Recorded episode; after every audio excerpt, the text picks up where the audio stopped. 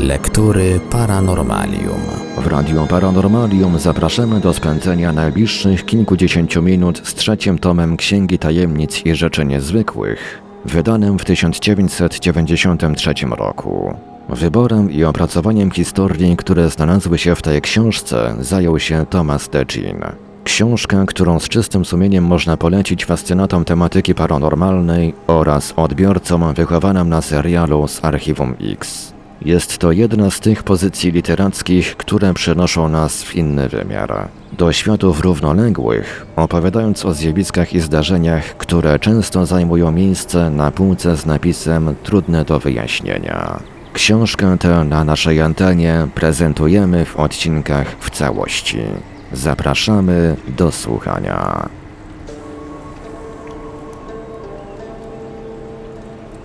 Szkockie konie wodne. Dokończenie.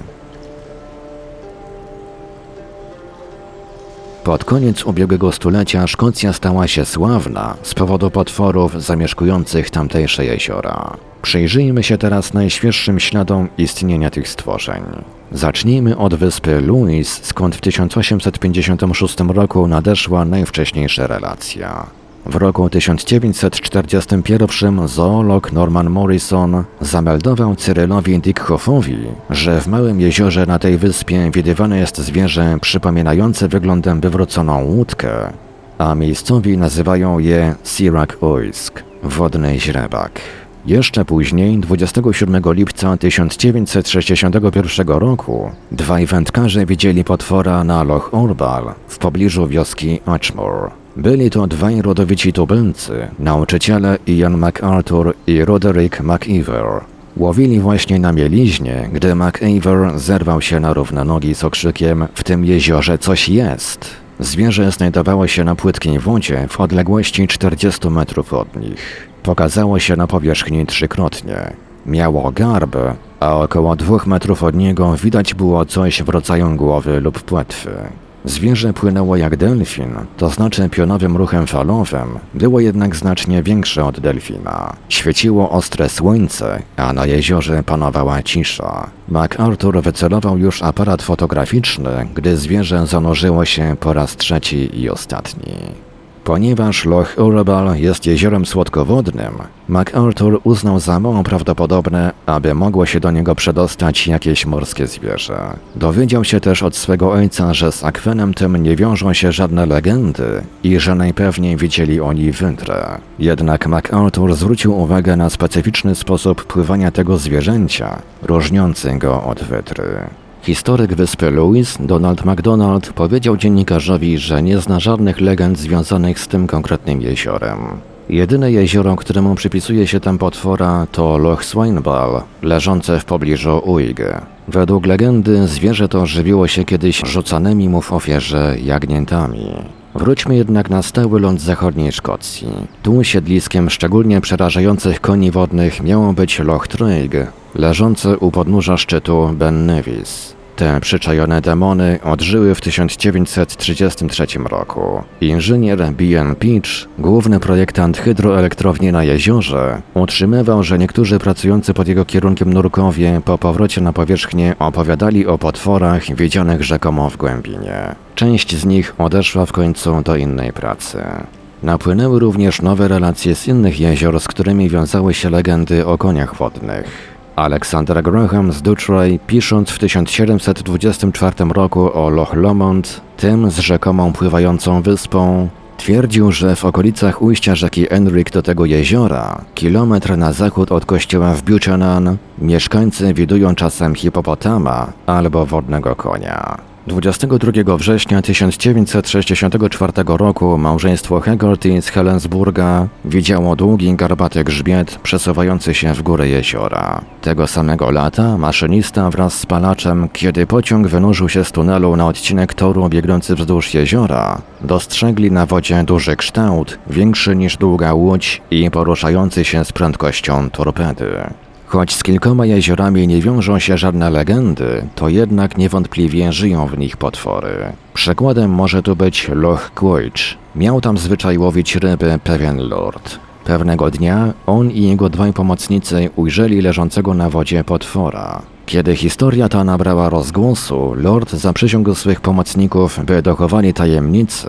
W przeciwnym bowiem wypadku wszyscy zostaną posądzeni o pijaństwo. W tym samym okresie krążyła pogłoska o potworze, który miał zwyczaj towarzyszyć pływającym po jeziorze rybackim łodziom.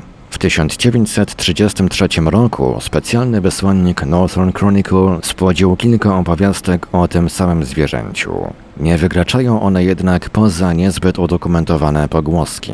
Cyril Dickow słyszał zeznania na temat potwora z Loch Lochy, o którym również pisał ów korespondent. W 1930 roku mieszkaniec Lochyside przestrzegł swą żonę przed praniem bielizny w jeziorze. Indagowany o przyczynę wyznał, że widział tam dziwne zwierzę i chociaż wyglądało ono niegroźnie, to lepiej go nie prowokować. W roku 1929 dwaj doświadczeni leśnicy ujrzeli coś, co uznali za lekko zaokrągloną kłodę drewna. Jednak za pomocą teleskopu wkrótce skonstatowali, że było to jakieś duże zwierzę, którego poruszenia mogli obserwować na przestrzeni półtora kilometra, dopóki się nie zanurzyło. Nie wiemy, jakim dowodem dysponował Dickhoff, ale obecnie nie ma pewności, czy ów potwór wciąż się tam jeszcze znajduje. W marcu 1960 roku Morris Burton otrzymał od pewnego korespondenta znalezioną w rodzinnym albumie fotografię, a na niej rzekomego potwora, który się wynurza z Loch Lochy. Powiększenie zdjęcia, pisze Burton w The Elusive Monster, pokazuje ciemny, nieregularny kształt pośród piany i bąbelków. W kilka sekund po zrobieniu zdjęcia obiekt zniknął. Burton uznał ostatecznie, że potwór w tym przynajmniej wypadku jest jednym z, jak on to mówił, zbrylonych, oślizgłych śmietników. Jednak 15 lipca 1960 roku Erich Robbins z żoną i przyjaciółmi ujrzeli coś, co uznali za potwora. Zrazu zobaczyli dwie nieruchome fale, niewątpliwie owe fale bez wiatru, o których wspomina Atlas Blue. Ruszyły one przez jezioro, wybrzuszając się ponad powierzchnię i tworząc szeroki grzbiet. Obiekt zaczął się następnie przesuwać po wodzie.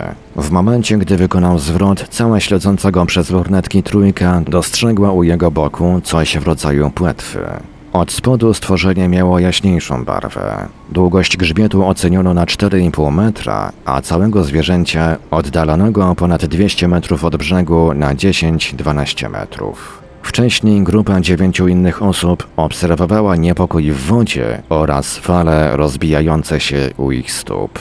Świadectwo pochodzące z Loch Oich, które leży między Loch Ness i Loch Lochy, zrazu pozornie wiarygodne, po głębszej analizie okazuje się niepewne. Wśród autorów panuje powszechna zgoda co do tego, że istnieją legendy na temat potwora z Loch Oich. W szkockiej dolinie Great Glen, a głównie w Inverness, pisał w 1937 roku Alistair McGregor. Mamy podania o bestii zamieszkującej głębinę Loch Oiś, ale mimo iż wielu tubylców, a także niemało podróżników twierdzi, że ją widziało, to pozostaje ona w cieniu sławniejszego sąsiada z Loch Ness. Koniec cytatu. Brzmi to dość dobitnie, choć sam autor nie przytoczył w końcu żadnego dowodu. W 1934 roku w artykule o potworze z Loch Ness Oudemans opowiada warto odnotowania dziwną historyjkę z Loch Oich. Duże rozlewisko rzeki Gary, które wpada do tego jeziora, okoliczni mieszkańcy nazwali dziecięcą sadzawką. Podanie głosi, że przed wielu laty kilkoro dzieci z Inchlegan bawiło się w zakolach rzeki Gary, kiedy na brzegu pojawiła się duża bestia o kształcie zdeformowanego kucyka. Dzieci, zaciekawione czy stworzenie jest rzeczywiście konikiem, na którym mogłyby sobie pojeździć, podeszły do niego i stwierdziły, że bestia jest tak łagodna, iż jedno z nich odważyło się jej dosiąść. Gdy tylko to nastąpiło, potwór wraz z jeźdźcem i innym jeszcze wszczepionym w jego grzywę dzieckiem pogrążył się w wodzie. Nigdy nie znaleziono ciał tych tajemniczych topielców. Choć większość czytelników potraktuje tę historię jak folklorystyczną bajeczkę, Oudemans podszedł do niej zupełnie poważnie. Na zdrowy rozum, jeśli te zwierzęta są rzeczywiście odmianą dużego ssaka spokrewnionego smoką, To naprawdę w opowieści tej nie ma niczego niezwykłego. Zniekształcony kucyk z grzywą doskonale pasuje swym wyglądem do dobrze już nam znanego zwierzęcia. Doświadczenie uczy jednak, że do pełnego wyjaśnienia tej historii nie wystarczą dociekania o charakterze lokalnym. Jeden z podróżników, o których wspomina MacGregor, widział potwora latem 1936 roku. A.J. Robertson płynął po południowo-zachodniej części jeziora w kierunku Lochi. Początkowo zauważył w wodzie niepokój. Nad powierzchnię wyrosła część czarnego wężowego ciała, a następnie o metr od niego pojawiła się głowa przypominająca nieco psa. Loch Oiś łączy się poprzez rzekę z Loch Ness, jest więc możliwe, że zwierzę przedostało się z większego jeziora. J.W. Harris, jeden z pierwszych dziennikarzy, który badał sprawę potwora z Loch Ness w 1933 roku, nadal był zainteresowany tym problemem. W czasie późniejszej bytności nad jeziorem zajął się pogłoskami na temat potwora z Loch Oiś. Cytat. Rozmawiałem z trzema młodymi ludźmi, którzy wiedzieli, jak obiekt ten przemieszczał się z Loch Ness do Loch Oiś. Później zaś spotkałem dozorcę południowej śluzy na Loch Oiś, to znaczy tę, która wiodła z kanału kaledońskiego do Loch Oiś. Człowiek ten widział zwierzę z bardzo bliskiej odległości. Córka dozorcy zwróciła uwagę na dziwne stworzenie, które siedziało w niemal zamkniętej zatoczce tuż obok ich domu. Kiedy wyszedł, ujrzał pływające, prawie dwumetrowej długości zwierzę, podobne nieco do wydry, choć znacznie od niej większe. Dozorca posłał córkę po strzelbę, zanim jednak zdążyła wrócić, zwierzę zanurzyło się. Dozorca, mimo że nic co związane z wodą i jej mieszkańcami nie było mu obce, nie potrafił porównać tego zwierzęcia do niczego, co widział dotychczas. Koniec cytatu. Nie ma wątpliwości, że gdyby to była wędra, dozorca rozpoznałby ją natychmiast. Jedynym zaś do niej podobieństwem, jakie zauważył u tego zwierzęcia, było jego przystosowanie się do wodnego trybu życia. Niewielkie rozmiary Loch Oiś sprawiają, że jest ono terenem niezwykle sprzyjającym dalszym badaniom. Należy teraz wspomnieć o propozycji Angusa Rossa z Uniwersytetu w Edynburgu, zawartej w jego liście do New Scientist z 1 grudnia 1960 roku. Utrzymuje on, że przed laty donoszono z nad Loch o istnieniu jakiegoś stworzenia. Cytat. Naoczni świadkowie nie budzili najmniejszych zastrzeżeń, lecz ich zeznania nie były tak jednoznaczne, jakby się tego pragnęło. Z drugiej strony na wykonanych przez nich rysunkach widnieje stworzenie zastanawiająco podobne do ogromnej kałamarnicy. Różnice między tą ostatnią a zwierzęciem są albo wynikiem niedoskonałości tych rysunków, albo też rzeczywiście istnieją. Koniec cytatu. Ross nie miał wątpliwości, że jedna kałamarnica żyje w Loch Oiś, a druga w Loch Ness. Nie była to nowa teoria. Posłużył się nią w 1883 roku Henry Lee dla wyjaśnienia problemu węża morskiego. Niezależnie od wartości tej koncepcji w tamtym kontekście, jest ona bezużyteczna w wypadku potwora w jeziorze, ponieważ wielka kałamarnica nie wyżyłaby w słodkiej wodzie. Nie udało się wytropić rysunków, o których mówi Ross, lecz podejrzewam, że pokazują one zjawisko łańcuszka boi, czyli szeregu garbów z czymś na podobieństwo głowy na przecie. Warto by je było obejrzeć, gdyby się gdzieś jeszcze zachowały. 8 lipca 1961 roku szkocki Daily Express zamieścił zdjęcie czegoś, co nazwano figlarnie malcem Oisi. Okazało się niestety, że ów potwór jest tylko zręcznym oszustwem. Dziennikarz Jonathan Roth z kilkoma przyjaciółmi zmajstrowali urządzenie, które puszczone na wodę wyglądało jak duże zwierzę. Zajętych robieniem zdjęć oraz wysyłaniem tej relacji oszustów zaskoczyła grupa studentów, którzy wykradli atrapę, przypisując w ten sposób sobie główną rolę w tej aferze.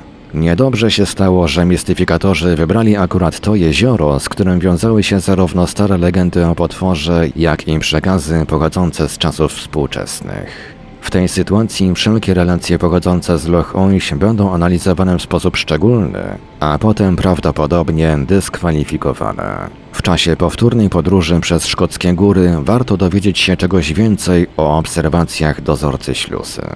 Bez trudu odnaleźć można jego chatę. Okazało się jednak, że pracę swą objął dopiero w 1939 roku i nie przypomina sobie żadnych relacji o potworze z Loch Oiś. Dziś nie mamy wątpliwości, że w 1936 roku angielscy turyści coś w jeziorze widzieli. Ciekawe, czy był to przypadek, o którym miejscowa ludność zachowuje milczenie. Sprawa zaczęła się wikłać, gdy wyszło na jaw, że poprzedni dozorca śluzy nie miał córki. Może więc ta dziewczynka była jego siostrzenicą. Ugrzęźliśmy w gąszczu rodzinnych powiązań, co mimo mojego irlandzkiego doświadczenia okazało się nie do rozwikłania. A zatem niczego nowego w tej sprawie. Jedyne, co się zgadzało z relacją Harrisa, to owa zamknięta niemal zatoczka poniżej Oishbridge. Po powrocie ze Szkocji odkryliśmy, że obecny dozorca śluzy z Oishbridge mylił się. Zwierzę z Loch Oish było naprawdę widziane 19 września 1936 roku przez niejakiego Simona Camerona, dozorcę mostu na kanale Vlagan. Cameron mówił, że zwierzę wynurzyło się na powierzchnię w pobliżu jego domu i następnie za pomocą szybkich i mocnych uderzeń przednich kończyn żwawo ruszyło we wschodnim kierunku i zniknęło mu z oczu. Stworzenie miało około dwóch metrów długości oraz głowę przypominającą psa. Zapytany przez dziennikarza, czy mogła to być wydra, Cameron odpowiedział, że takiej wydry nie ma na świecie. A zatem Harris nie mylił się również co do samego świadka. Taki jest więc stan świadomości w tej dziedzinie, reprezentowany przez dzisiejszych mieszkańców tamtych okolic. Na zachodnich krańcach Szkocji, wokół Loch Shiel i Loch Morar, legendy są konkretniejsze, a relacje bardziej aktualne i prawdziwsze. Poszukując materiałów do książki o potworze z Loch Ness, brat Cyril Dickhoff korzystał z każdej sposobności, by zanotować relacje o potworach ze szkockich gór. W czasie pełnienia swych obowiązków duszpasterskich w zachodniej części gór, a zwłaszcza w katolickim okręgu Morar, trafił na kilka opowieści o potworze z Loch Shiel. W grudniu roku 1933 Dickhoff usłyszał od starego mieszkańca okolic Shilbridges, że pewien człowiek widział kiedyś bestię z Loch Shiel w pobliżu Dalilea. Nieco później, również w grudniu, Dickhoff dowiedział się od listonosza z Gleneik o starej kobiecie, która widziała zwierzę w roku 1874 i tak je opisała. Miało ono trzy garby i posuwało się bardzo szybko. Dozorca posiadłości Francisa Camerona Heada, Ewan McIntosh, opowiedział mu o swoim przygodzie z 1905 roku. Otóż wraz z dwoma chłopcami i starszym mężczyzną o nazwisku Ian Krugback płynęli przez jezioro parowcem Clan Ronald, kiedy usłyszeli wyłaniające się z wody trzy garby, które śledzili przez teleskop. Niejaka Anne Moore MacDonald opowiada, że w 1962 roku jej brat, Ronald MacLeod, widział Sealinga, bo tak miejscowa ludność nazywa to zwierzę. Celtycki tej starszej niewiasty jest chwilami niezrozumiały. Powiada ona, że MacLeod widział, jak zwierzę wychodziło z wody na półwysep Sandy Point między trzecią a czwartą po południu. W ramach swej ówczesnej funkcji obserwował je przez teleskop i ocenił, że było nie większe niż parowiec Clan Ronald. Zwierzę miało chropowatą i długą szyję oraz szeroką głowę z wielką paszczą. Na grzbiecie widać zaś było siedem żagli, z których środkowy był największy. Przy innych okazjach MacLeod widywał tylko trzy garby, choć zawsze środkowy był najokazalszy. Czyżby Anne Moore MacDonald chciała powiedzieć, że jej brat rzeczywiście widział zwierzę wypełzające z jeziora na brzeg Sandy Point? Tak to chyba należy rozumieć. Francis Cameron Head rozmawiał z dwoma świadkami, Ronaldem McLeodem i Sandym McKilleyem, na temat ich obserwacji. McKilleng próbował strzelać do Sealinga z łódki, jednak kobiety, które uprzednio zabrał ze sobą, odwiodły go od tego zamiaru, argumentując, że potwór nie wyrządził mu żadnej krzywdy. Bratanek McKillinga, właściciel hotelu w Glenfinnan w Górze Jeziora, opowiadał Dickhoffowi w 1933 roku, że według jego stryja i kuzyna potwór wychodził na brzeg sporadycznie. Zarówno Loch Shiel, jak i Loch Morar to niesamowite jeziora o długich, niezabudowanych brzegach i niezbadanych głębinach. Loch Morar, najgłębsze jezioro na Wyspach Brytyjskich, jest dziwne i odpychające. I znów Cyril Dickhoff notuje wiadomości o tym akwenie. Tak pisze w swoim dzienniku. Cytat. 27 marca 1934 roku. Jeden z moich przyjaciół, Charlie McDonald, leśnik, wyszedł z domu, aby zajrzeć do trzymanych w szopie saren. Zbliżał się właśnie do celu, kiedy ujrzał jakieś zwierzę gwałtownie wynurzające się z wody. Jego szyja grubości ludzkiej ręki sterczała pionowo. Stworzenie przypominało węgorza, choć ten nigdy nie przyjmuje takiej postawy. Sądząc po wzburzeniu wody, McDonald ocenił, że musiało to być bardzo duże zwierzę. Koniec cytatu. Legendy o potworze z Loch Morar sięgają bardzo dawnych czasów. Któż nie słyszał o Moragu? Zapytuje w 1907 roku miejscowy pisarz James MacDonald. Była to złowroga bestia. Pewien skrupulatny młodzieniec z Guardiana wyszperał w starych zbiorach szkockich pieśni wierszyk o tym stworzeniu. Morak zwiastunem jest śmierci, wielki pływak głębin Moraru, zielonego jeziora Bestna. To tam potworny żyje Morak. Mówiono, że pojawienie się Moraga zapowiada śmierć w rodzinie McDonaldów. I rzeczywiście, na trzy tygodnie przed zgonem jednego z ostatnich McDonaldów z Brigonery widzieli Moraga pasażerowie łodzi płynącej po jeziorze. Pisarz James McDonald błogosławił los za swoje nazwisko, kiedy sam spotkał bestię. Zdarzyło się to styczniowej nocy 1887 roku, gdy przepływał on na drugi brzeg jeziora, by tam, na stokach gór nad Reitlen, uprawiać kłusownictwo, polując na zwierzynę płową. Stworzenie to wystawiło nad powierzchnię wody trzy fragmenty swego ciała, co, jak głosi legenda, symbolizowało śmierć, trumny i grobowiec rodziny McDonaldów. Choć potwór miał tak fatalne właściwości, to jednak w latach 80. ubiegłego wieku widziało go podobno wielu ludzi, zaś pierwsza pełniejsza relacja pochodzi z roku 1895. Tego lata Sir Theodore Brinkman wraz z małżonką oraz pomocnikiem McLarenem łowili na jeziorze ryby. W pewnym momencie pani Brinkman zwróciła uwagę na długi, ciemny kształt, podobny do wywróconej łodzi, pytając, czy to jest właśnie ów lunch na który się nastawili. Nie, odparł McLaren. To tylko potwór. Następnie wyjaśnił tym dwojgu, że jest to zwierzę dobrze tutaj znane, choć nie widuje się go zbyt często. Sprawa Loch Ness zwróciła uwagę świata również i na Moraga, ale było to zainteresowanie krótkotrwałe, choć jeszcze w 1946 roku zdarzyło się coś interesującego. Aleksander McDonnell przewoził wówczas grupę uczniów, uczestników obozu wypoczynkowego w Inverilot. Płynęli oni z Morar do Mabel. Gdy łódź mijała Bracorina Point na północnym brzegu jeziora, któreś z dzieci wykrzyknęło Patrzcie, co takiego wielkiego tam na drugim brzegu. McDonnell powiada, że ujrzał wówczas zwierzę rozmiarów hinduskiego słonia, które z ogromnym pluskiem zwaliło się ze skały do wody. Jest to chyba jedyna relacja z nad Morar mówiąca o tym zwierzęciu widzianym na brzegu. Pewnie jego szyja wygięta jest sinusoidalnie, czym nasuwa się skojarzenie z trąbą słonia. Również matowy, szary kolor skłania do porównań z tym zwierzęciem, co też czyni wiele osób opisujących te stworzenia. W 1948 roku widzieli Moraga pasażerowie statku, a spotkanie to odbiło się wówczas szerokim echem w prasie.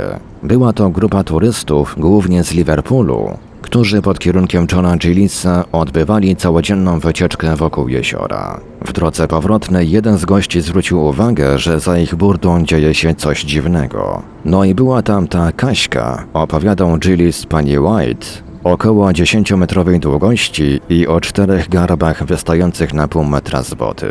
Nie dostrzegłem głowy, było to jednak w odległości prawie kilometra. Po upływie 60 sekund zwierzę zniknęło. Rozwijało ono sporą szybkość i wytwarzało silne fale. Koniec cytatu. Od tego czasu zwierzę widywano na jeziorze dość często. Pewne angielskie małżeństwo, właściciele domku w tak przywykło do ciągłego pojawienia się tego stworzenia, że w końcu przestało je obserwować. W większości przypadków był to kształt wywróconej łodzi. We wrześniu 1958 roku nad Morarem spędzał swój urlop w towarzystwie rodziny wybitny naukowiec George Cooper. Malował on właśnie akwarelami pejzaż zachodniej części jeziora, przedstawiający wyspy, na których zachowały się pozostałości starej kaledońskiej puszczy, kiedy zauważył coś, co początkowo wydawało się dużą, wolno dryfującą w dół jeziora kłodą. Obiekt ten po godzinie obserwacji gwałtownie zniknął. Cooper przypomina sobie, że przez pewien czas jeden jej koniec wystawał nieco wyżej. Powierzchnia tej kłody była raczej chropowata, w każdym razie z całą pewnością nie błyszczała. Po zniknięciu obiektu dr Cooper namalował go pośpiesznie akwarelami.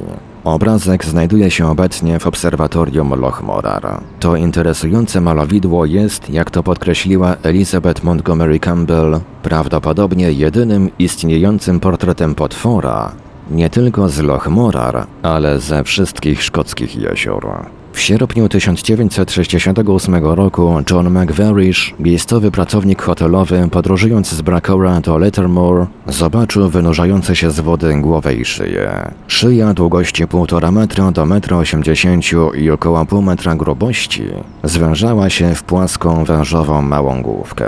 Skóra była czarna i gładka. Stworzenie posuwało się niezbyt szybko do przodu, a widoczny przy jego bokach ruch wody sugerował czynności wiosłowania za pomocą płetw. Kiedy McVarish zapalił silnik, aby zbliżyć się do zwierzęcia, stworzenie odpłynęło na głębszą wodę i zniknęło z pola widzenia.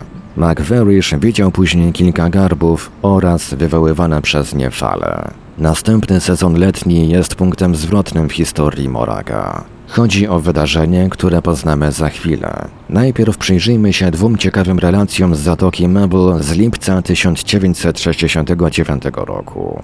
Bob Duff, który systematycznie odwiedzał Loch Morar, płynął przez zatokę z szybkością około dwóch węsłów. Woda była w tym rejonie tak czysta, że na głębokości około 5 metrów widać było wyraźnie liście leżące na białym piaszczystym dnie. Wyjrzawszy z za burty, Duff ujrzał coś, co określił jako leżącą na dnie potworną jaszczurkę. Nie miała ona więcej niż 6 metrów długości, była nieruchoma i patrzyła na niego z dołu. Powodowany szokiem, Duff zwiększył obroty i umknął stamtąd tak szybko, jak to tylko było możliwe, wskutek czego zachował tylko migawkowy obraz tego stworzenia. Jak wynika z jego opowiadania i wykonanego przezeń rysunku, wyraźnie widział on tylko przednią część zwierzęcia. Wężową głowę charakteryzowała szeroka paszcza i wąskie szparki oczu. Wskutek obserwacji z góry szyja była raczej niewidoczna, co uniemożliwiało ocenę jej długości. Zwierzę miało cztery odnóża, z których przednie z całą pewnością zakończone były trójpalczasto. Korpus, części tylne oraz ogon widać było tylko bardzo niewyraźnie.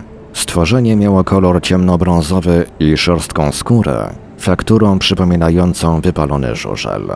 Kiedy Duff, opanowawszy nerwy, zawrócił, by je odnaleźć, zwierzęcia już nie było. Niemniej jednak w kilka tygodni później sklepikarz z Malejk, wyglądając za burtę łodzi przepływającej niemal w tym samym miejscu, ujrzał na dnie niewyraźny zielony kształt. Był przekonany, że jest to coś niezwykłego, lecz jego bojaźliwy przyjaciel nie zgodził się zatrzymać i zbadać dokładniej tajemniczej istoty. Są to wyjątkowo interesujące relacje, a zwłaszcza wzmianka Dafa na temat trzech palców u przednich odnóży zwierzęcia. Jest szczegół znany nam już z Loch Ness, a spotkamy go również i w przyszłości.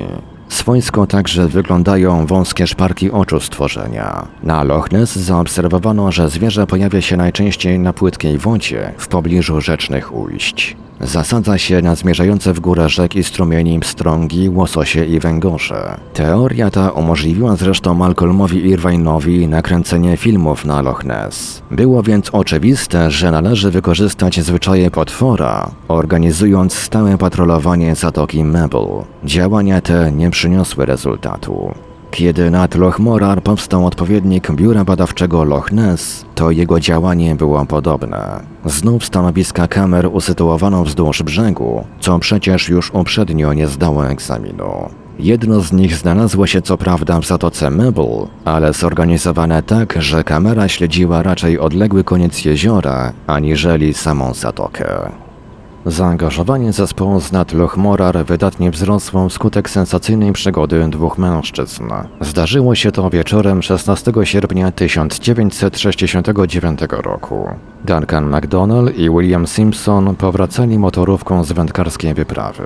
Dochodziła dziewiąta, gdy mijali wysepki leżące w zachodniej części jeziora. Na prymusie gotowała się woda na herbatę. Usłyszawszy jakiś hałas za rufą, McDonnell odwrócił się i w odległości około 20 metrów ujrzał zmierzające w ich kierunku duże zwierzę, które za chwilę uderzyło w motorówkę. Później McDonnell doszedł do wniosku, że nie był to atak zamierzony. Z prymusa spadł czajnik z wodą, więc Simpson wskoczył do kabiny, żeby wyłączyć gaz. Tymczasem McDonnell usiłował odpędzić zwierzę za pomocą starego wiosła, które mu pękło w rękach. Korpus zwierzęcia był w dotyku całkiem solidny i nie ustępował pod razami. W tym momencie pojawił się Simpson z naładowaną strzelbą i wypalił do zwierzęcia, które zwaliło się za rufę i zniknęło im z oczu. A oto co zaobserwowali dwaj wędkarze. Zwierzę miało 8 do 10 metrów długości i trzy garby, albo też wygięcia grzbietu powstałe wskutek falowania ciała oraz chropowatą brunatno-brązową skórę. W czasie wymachiwania wiosłem McDonnell dostrzegł czubek wężowej głowy zwierzęcia. Wystawał on pół metra nad wodą i miał szerokość około 30 centymetrów. Duncan McDonnell nie po raz pierwszy w życiu zobaczył potwora. Poprzednio widział szyję i głowę, a innym razem komplet garbów. Nie miał większej ochoty rozwodzić się nad tymi zdarzeniami na użytek ośrodka badawczego nad Loch Morar, z którego archiwum zaczerpnęliśmy powyższe dane, twierdząc, że wielu innych ludzi miałoby również o czym opowiadać, ale tego nie czyni, aby nie uchodzić za kłamców. Ostrożność McDonnella była usprawiedliwiona sensacyjnym sposobem, w jaki agencja informacyjna opisała jego i tak przecież przerażającą przygodę. O zdarzeniu tym wszyscy dowiedzieli się z depeszy agencyjnej UPI, którą zamieściła prasa całego świata. A więc w ujęciu tej enuncjacji zdarzenie było jeszcze bardziej dramatyczne niż w rzeczywistości.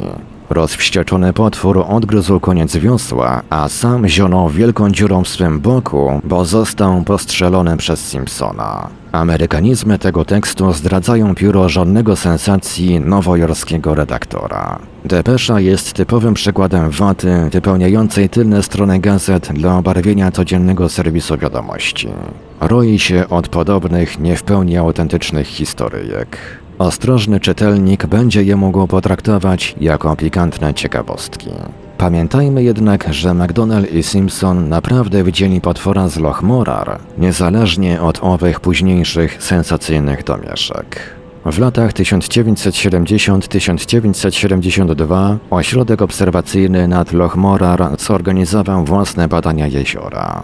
Trzykrotnie członkowie zespołu widzieli duży garb, przy drugiej okazji spóźniając się ze zrobieniem zdjęcia. Pełny protokół z tych badań znajduje się w książce pod tytułem The Search for Morag. W poszukiwaniu Moraga Elizabeth Montgomery Campbell i Davida Solomona. Obecnie zespół z nad Loch Morar tymczasowo zawiesił działalność. Zdano sobie bowiem sprawę z tego, że pożądane wyniki może przynieść tylko należycie sfinansowana i ciesząca się oficjalnym poparciem wyprawa naukowa. Taki jest dotychczasowy stan naszej wiedzy o Loch Morar. Największe, jak wiemy, zainteresowanie badaczy wzbudziło Loch Ness i przynajmniej tam osiągnięto pewien postęp w kierunku rozwiązania zagadki. Jednakowoż nie można odrzucić czy zlekceważyć wszystkich tych fragmentarycznych, drobnych, dziwacznych informacji pochodzących z innych szkockich jezior. Można by dowodzić, że legenda o koniu morskim stawia w wątpliwym świetle współczesne relacje o potworach, które należałoby uznać za skutek ulegania sugestiom płynącym z tych zamierzchłych przekazów. Jest chyba przeciwnie. To właśnie dzisiejsze raporty dowodzą prawdziwości starych podań o kalpim i wodnym koniu. Gdziekolwiek więc znajdujemy podobne legendy o potworach, oznacza to, że trafiamy na trop jakiegoś nieznanego zwierzęcia.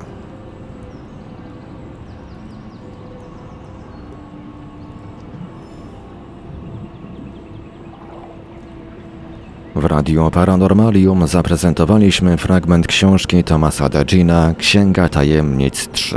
Dalszy ciąg w kolejnym odcinku Lektur Paranormalium.